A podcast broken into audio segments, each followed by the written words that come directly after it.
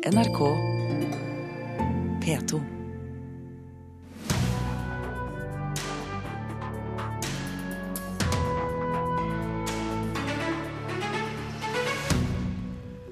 Filmklassikerne forsvinner med videobutikkene, mener bransjeorganisasjonen Film og Kino. Snart legger Oslos siste videobutikk ned. En av Russlands største rockefestivaler flytter til Latvia etter protester fra den ortodokse kirken. Og hotellbygger Arthur, Arthur Buchardt bygger hotell i Helsingfors og donerer samtidig penger til byggingen av Guggenheim-museet i byen. Kulturnytt får du i dag med Birger Kolsrud Jåsund i studio. Oslos aller siste videosjappe, Videonova, stenger om kort tid, og med den så forsvinner også tilgangen til store mengder norsk film, smal film og utenlandske filmklassikere. Det mener bransjeorganisasjonen Film og Kino. De frykter at filmarven nå forsvinner med de fire-fem videosjappene som fremdeles eksisterer i Norge, fordi populære strømmetjenester som Netflix har for dårlig utvalg. Hjørnet her er det en videobutikk som heter Video Nova. Har du noen gang vært inni der? Nei. Ja, vi har, jeg har vært der og kjøpt sånn slush. Ja, ja, jeg har også kjøpt eh, slush. Men har dere leid eller kjøpt video der? Nei. Det her er Oslos siste, og den stenger snart. Hva tenker du om det? Um, nei, det er jo trist for de som bruker den. Det er utrolig vemodig. Jeg har fulgt denne butikken her i snart 35 år. Videorådgiver i bransjeorganisasjonen Film og Kino, Erik Smoda, er en av dem som blir trist når han går inn i Videonova på Majorstua, i visshet om at det kan være siste gang. Vi mister så mye her at det er, det er, rett og slett trist å stå her. Det er trist for alle som er glad i god film, at disse utleiebutikkene nå er borte. For det er det her du finner bibliotekene. Du finner det ingen andre steder. Det er utvalget Smoda er bekymra for. Han tror unge i dag får et altfor snevert filmutvalg på digital-TV og strømmetjenester som Netflix og Viaplay, og går dermed glipp av smal film, europeisk film og klassikere som Alfred Hitchcocks Psycho og Stanley Kubricks Ondskapens hotell. Og du kan lete etter norske filmer, f.eks. Altså klassikere som Eggs, Telegrafisten, Herman, altså Veiviseren f.eks. Du finner de bare her. Den har jeg som lærefilm her. Butikksjef på Video Nova Øyvind Pettersen må stenge butikken så snart utleieren av kjellerlokalet på Majorstua finner en leietaker som betaler bedre. Oslo blir da uten videosjappe, og kun fire-fem butikker holder koken i resten av Norge. Det er mange som kommer hit som sier at de kommer hit pga. utvalget. De finner ting her som de ikke finner andre steder, og de liker også å gå i butikker tror jeg, og finne ting som de kanskje egentlig ikke hadde tenkt på. Og ikke minst komme og spørre oss som jobber her. Kan du anbefale meg en film? Går innom her nesten en gang i uka. Hva tenker du om at uh, den videobutikken her, Oslos siste, nå kommer til å forsvinne? Ja, Det er tragisk. Det er uh, hyggelig å kunne gå og bla litt, ikke bare gå på nett. Mye bedre utvalg her, faktisk, når det gjelder gamle, klassiske filmer. Videokunde Petter Strøm etterlyser bedre utvalg via internett, og vi har spurt Netflix om bredden i utvalget uten å få svar. Men konkurrenten Viaplay skriver i en e-post til NRK at kundene etterspør ny film og ikke gammel. Derfor lønner det seg ikke å ha gammel film på strømmetjenesten. Det er godt nytt for ulovlige pirattjenester som Popkorntime, tror medie- og kommunikasjonslektor Marius Øfsti ved Universitetet i Oslo. Når noe er veldig lett tilgjengelig på strømmetjenesten du har på, i stua di, så blir jo det som ikke er så lett tilgjengelig, blir plutselig veldig mye vanskeligere tilgjengelig. Og Det tror jeg igjen er piratvirksomheten sin fortrinn er ikke først og fremst pris lenger, men det er tilgjengelighet og enkelhet. Ja, det fins en nettside hvor man kan se gratis film. Ja, Popkorntime. Ja, det er sånn popkorntime. Ja. Men tenker dere på at uh, Popkorntime er ulovlig? Nei. Nei, er det det? Er det? Oslo Ungdom utenfor Videonova på Majorstua i Oslo. Reporter her, det var Torkil Thorsvik. Joakim Torkelsen, film i filmbloggen Filter, velkommen til Kulturnytt. Tusen takk. Jentene i reportasjene her bruker altså ulovlig popkorntime for å få tilgang på det beste filmutvalget. Må man det når som videobutikkene forsvinner? Nei, man må ikke det. Jeg føler Hvis jeg skulle valgt mellom å være 14 år nå eller 14 år da jeg var det i 94, så tror jeg jeg ville definitivt valgt å være det nå med hensyn til filmutvalg. Det er, er veldig mye å få tak i, men som Viaplay også sier i reportasjen her, så er det nok er det nok en veldig stor satsing og en overvekt av nye titler. Det er der på en måte konkurransen står. da. Så hvordan finner jeg, hvis jeg ønsker det, filmklassikerne, eldre filmer, kanskje til og med sval, smal film på internett? Nei, Du finner et visst utvalg på de lovlige tjenestene. Eh, men det er nok for dårlig. Og det er det eh, industrielle grunner til. Film er utrolig dyrt, og det er et eksklusivitetsspill der hvor, der hvor de slåss om de mest eksklusive og nye rettighetene. Og, og, inntil videre så har man valgt å ikke bruke veldig mye penger på eh, ting som anses for å være smalere. Det er ingen eh, tjeneste, dessverre, som har tatt den, eh, eller som ser den kommersielle verdien i å være en sånn eh, ren kvalitetsleverandør. Da. Eh, men det er klart det finnes jo et enormt utvalg eh, på piratmarkedet, og det er jo disse som de lovlige tjenestene må slåss mot. Men skulle jo, man skulle jo tro at det var et visst marked for klassisk film også på nett? Ja, og det tror jeg det er. Eh, men det er klart, altså når en film koster eh, fra titusener opp til hundretusener eh, av kroner per tittel, så er man nødt til å Å få rettigheter til, mener du? Ja. Så, så, er tjenestene nødt til å, å prioritere. Og, og, klassikere og smalere film har kommet litt lenger ned på prioriteringsstigen. Vi, vi, har jo sett hvordan Spotify og Wimp og nå da Tidal og, og det nye Apple Music eh, har skapt et helt nytt marked for strømming av musikk. Hvorfor har ikke det skjedd med film? Eh, rett og slett fordi at det er gamle forretningsregler som gjelder. Eh, Når du sier forretningsregler, hva ja. tenker du på det? Nei, altså det, er et ganske komplisert bilde, dette her. Men, men man Ehm, de store studioene selger eh, eksklusive rettigheter eh, til de forskjellige tjenestene. Eh, Dvs. Si at, at filmer fra Warner som er helt ferske, kan komme på Netflix, men da kommer de ikke på Viaplay osv. Og, så og, og dette eksklusivitetsspillet gjør at man ikke får de breie tjenestene med veldig veldig store mengder film. Da. Mm. Hva går tapt, slik du ser det, nå som videobutikkene forsvinner? Eh, en del eh, av de beste videosjappene ga oss jo en personlig kompetanse, ga oss anbefalinger, eh, og gjorde nok at mange filmfans kom inn i filmverden. Altså fikk korrekte og gode anbefalinger. Og det er vel det liksom som, som er mest trist, syns jeg, at forsvinner. Når det, gjelder ja. Det finnes kanskje andre måter å få det på, tross alt? Det gjør jo det. Og når det gjelder utvalget, så er det jo mye, mye, mye større potensial for at det skal bli bra på nett enn det var i den fysiske verden. Joakim Torkelsen i filmbloggen Filter, takk for at du kom til Kulturnytt.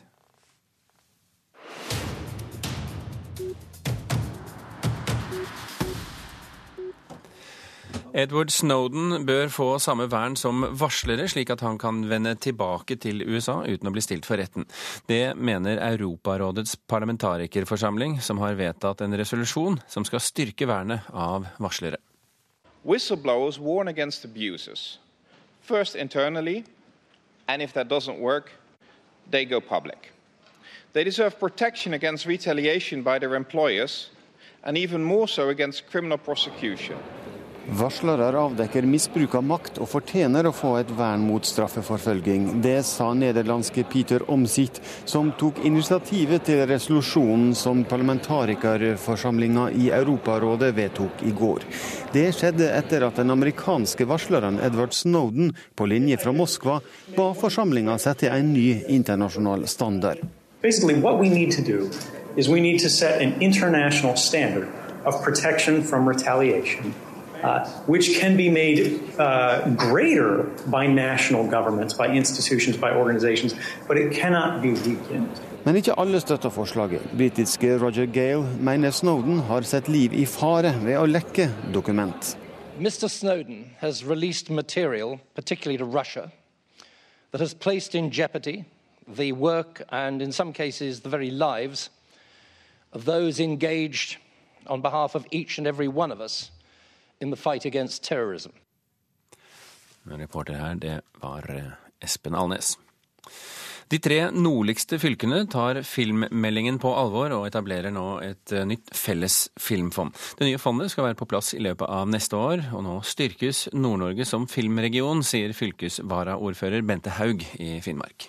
Filmbransjen trenger å samarbeide bedre i nord enn det vi har klart til nå. Og dette er et, en ny start for filmbransjen i nord. Hvor slagkraftig vil et sånt uh, nordnorsk filmfond egentlig bli? Det vil bli mer slagkraftig enn det som de Eh, er i dag hver for seg. Og Vi har jo et håp om at staten skal øke sin andel av statlige midler til de regionale fondene for å demme opp imot det som har blitt et veldig veldig sterkt eh, fagmiljø i Oslo. Og Det er et mål at man skal bygge opp regionale fond over hele landet, som kan bli en motkraft til det, og også få eh, lokale produksjoner, store produksjoner, i de tre andre regionene i, i landet. Demme opp for det sterke fagmiljøet i Oslo, sa altså fylkesordfører i Finnmark Bente Haug til reporter Rune Norgård Andreassen. Og så kan vi ta med at eh, Sparebanken Nord-Norge blir også med som eier i Filmfondet, i tråd med kulturministerens ønske om mer privat kapital inn i kulturlivet.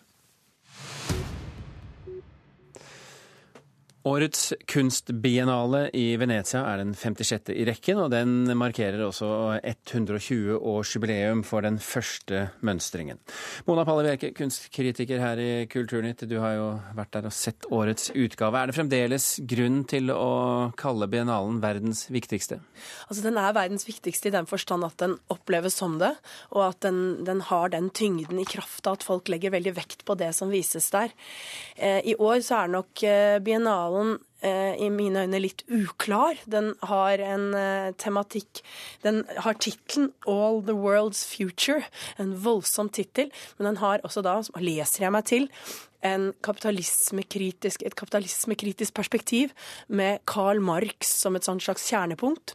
Men når du leser deg til det, betyr det at det ikke fremgår av utstillingen som sådan? Det er eksakt det det betyr. Eh, det er veldig veldig vanskelig for meg å se det tydelig i utstillingen, og det er alltid en svakhet hvis rammen den tematiske rammen ikke reflekteres i utstillingen. Men hva er det du ser i utstillingen, da? Jeg ser ve veldig mye flott.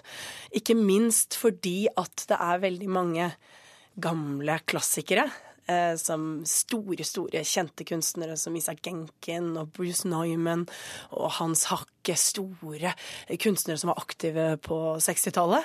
Eh, og så er det også, sånn som det alltid er i Venezia, nye kunstnere som er fremadstormende. Man tenker jo liksom det at når man vandrer da i den skyggefulle Giardini-parken, der biennalepaviljongene er, og i dette eh, marine havneområdet Arsenalet, så er, på en måte legger man fingeren på tidens puls og opplever hva som skjer i samtidskunsten. Så det er jo alltid veldig spennende å se hvilke kunstnere som er eh, valgt ut. Hva er det som skjer i samtidskunsten der? i år? Nå er det nok ikke lenger sånn at man dyrker helt den forestillingen at man kan skape, liksom ta tverrsnittet og vise det. Og det er vel derfor man også blander inn eldre kunstnere, for å vise at man ikke egentlig tror det er mulig. Men eh, det er, så, Og i og med at biennalen i år, da, i motsetning til de to foregående årene, har en veldig uklar et uklart perspektiv, så er det ikke sånn at man kan si biennalen i år viser en tendens, eller noe sånt, fordi det er veldig spredt. Det er liksom bare det var et flott verk, og det var et flott verk, og det var et flott verk. Men helheten forsvinner litt for meg, da. Men du pleier også å plukke ut noen verk som, som, du har engasjert deg spesielt i, eller noen som har gjort noe spesielt for deg. og Hva vil du trekke frem denne gangen? Jeg ble veldig fascinert av uh, kunstneren Fabio Mauri uh, sitt verk. Uh, han har lagd en slags kollasj, vil jeg si. Eller nesten et maleri av kofferter og bager. Dette er jo sånn arte povera-kunst. Han er jo også en av de gamle traverne, egentlig, kan man si. Han var født i 1926 og er jo allerede død. Eh, men dette er altså en, et stort kvadrat i rommet, bestående av skinnkofferter, vadsekker og bager. Og så nederst i høyre hjørne så er det et sted hvor liksom en koffert er bare som et tomrom, og der ser vi en person da med en davidsstjerne Eh, på brystet. Så vi skjønner at dette handler om eh, holocaust og jødeutryddelsen. Og det er jo veldig sterkt akkurat med bagene, hvordan jødene pakket sine bager på, eh, som de trodde de trengte på den reisen de la ut på, der de jo absolutt ikke trengte håndbagasje. Og mm. der de fleste av dem jo heller ikke vendte tilbake. Så vi kan gå til det skrittet og si at det ikke er en helt vellykket biennale, med andre ord, for å konkludere?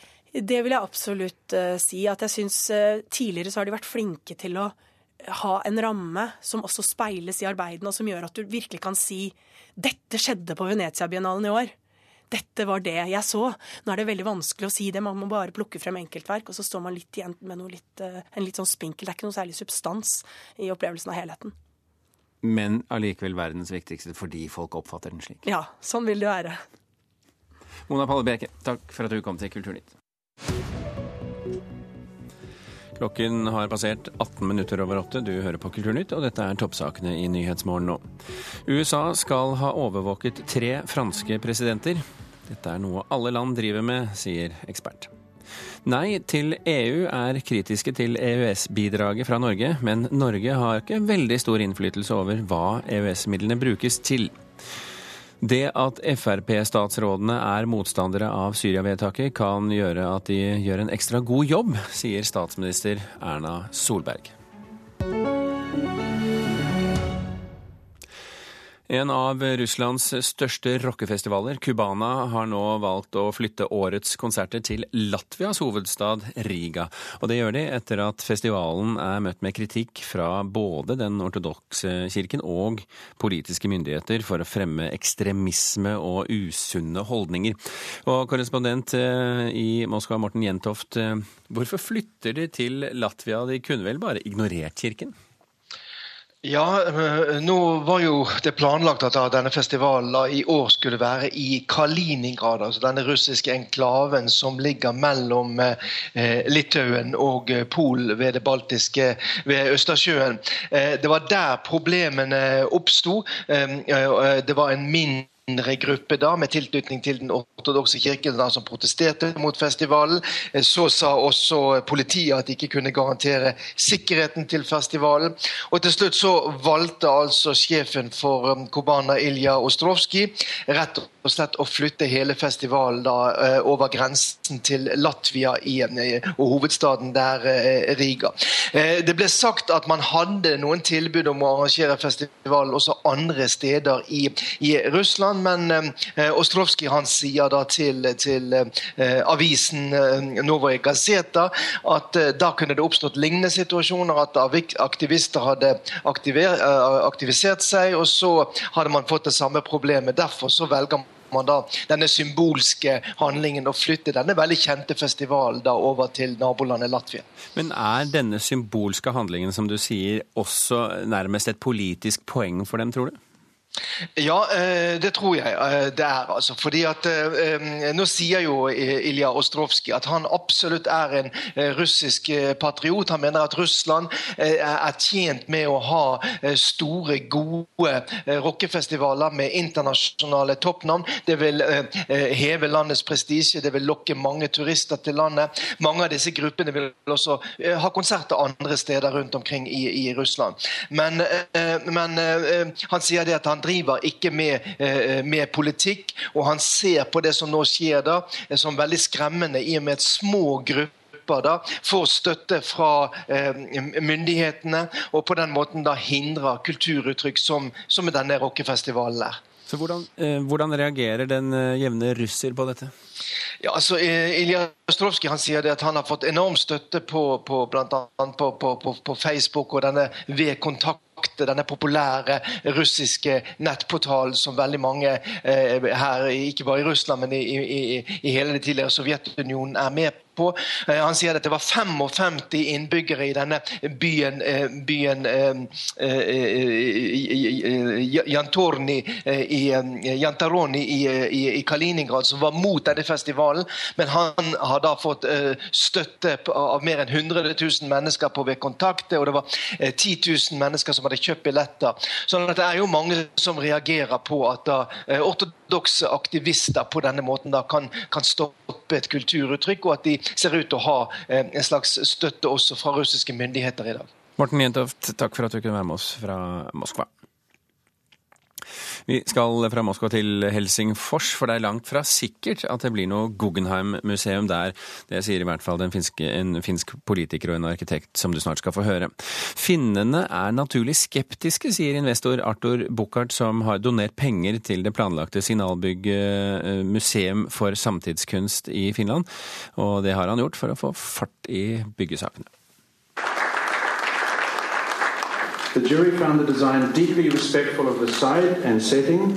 I går ble det kjent at det franske arkitektfirmaet Muro Kusunoki skal tegne det planlagte Guggenheim-museet i Helsingfors. Investor Arthur Buchardt er en av de private som har donert penger til bygginga.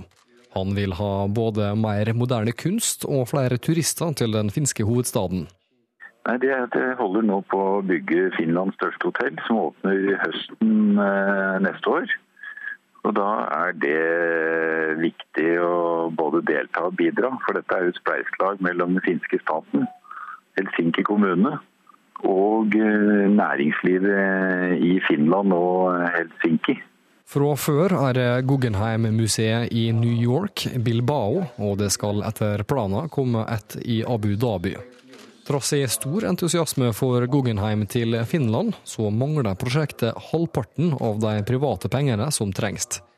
Den finske politikeren og arkitekten Anders Adlerkreutz fortalte til Yle radio at han er skeptisk. Det är ju fråga om pengar i slutändan. Det där nu så berättades det ju här att man har lyckats få ihop en hel del privata donatorer och man hoppas på att lyckas tredubbla det här privata bidraget förrän man beslutar om byggstart. Men nu är det ju liksom en stor utmaning för Helsingfors och nu, jag, är, jag är på att det här inte kommer att vara en, en, liksom en lätt sak att få igenom som ett politiskt beslut inom, inom Helsingfors stad. Så hoppas man förstås, förstås på bidrag liksom från statens sida också. Att, eh, ska vi säga att man, jag, jag, är inte så säker på att det här kommer att byggas om jag ska vara helt ärlig. Sponsor Arthur Buchardt tror at finske investorer og politikere vil komme til å forandre mening, fordi et Guggenheim-museum vil sette Helsingfors mye tydeligere på europakartet. Generelt så er finner skeptiske, så det er ingen overraskelse. Men generelt så er også finner opptatt av kunst og kultur. Og eh, Det er jo bakgrunnen for at man har lansert dette her. Det vil ytterligere forsterke Helsingfors som en internasjonal by og en, eh, en eh, viktig by i Norden. Ja, Det sa hotellbygger Arthur Buchardt til reporter Øystein Vinstad.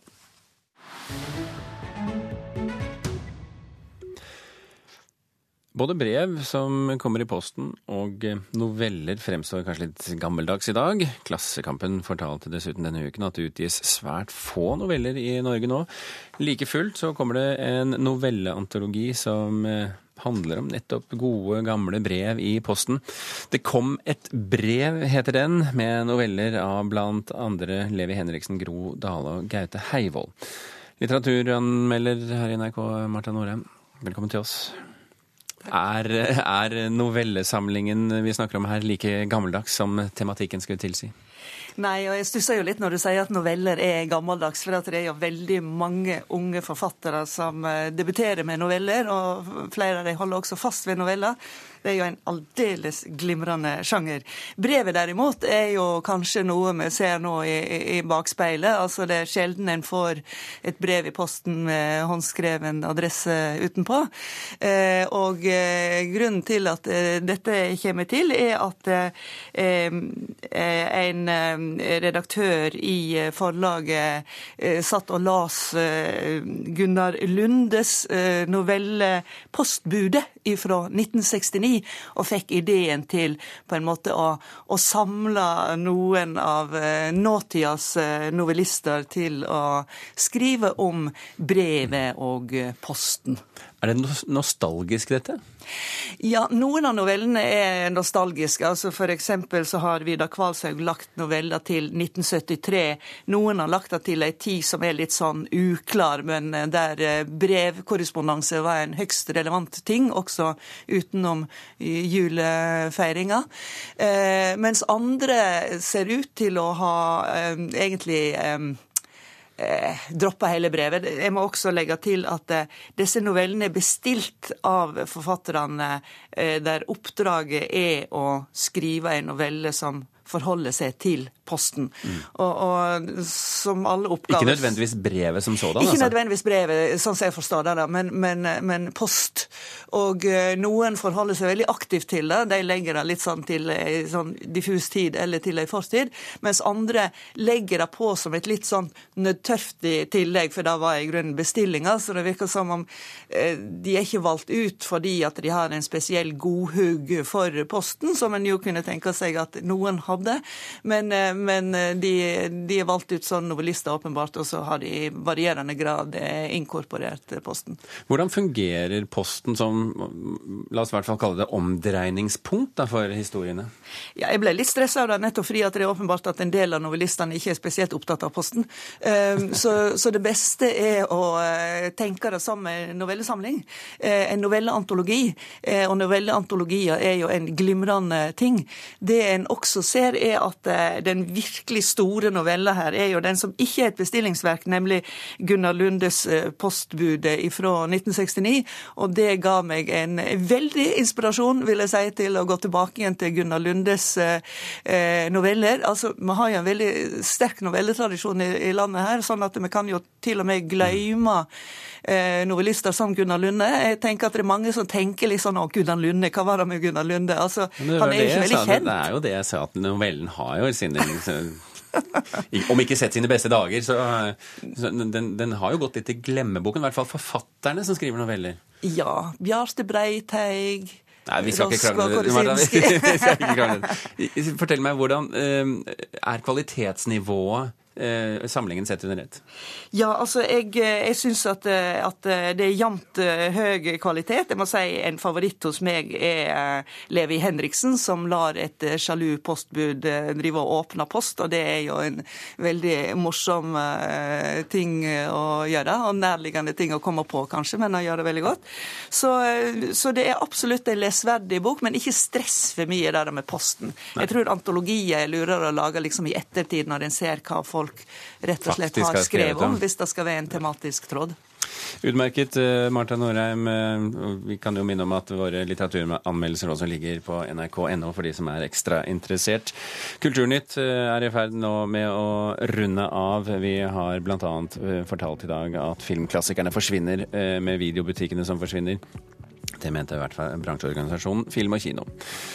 Marianne Myhrol, Thomas Alvarstein Noe, Birger Kolsrud Aasund takker for følget. Hør flere podkaster på nrk.no podkast.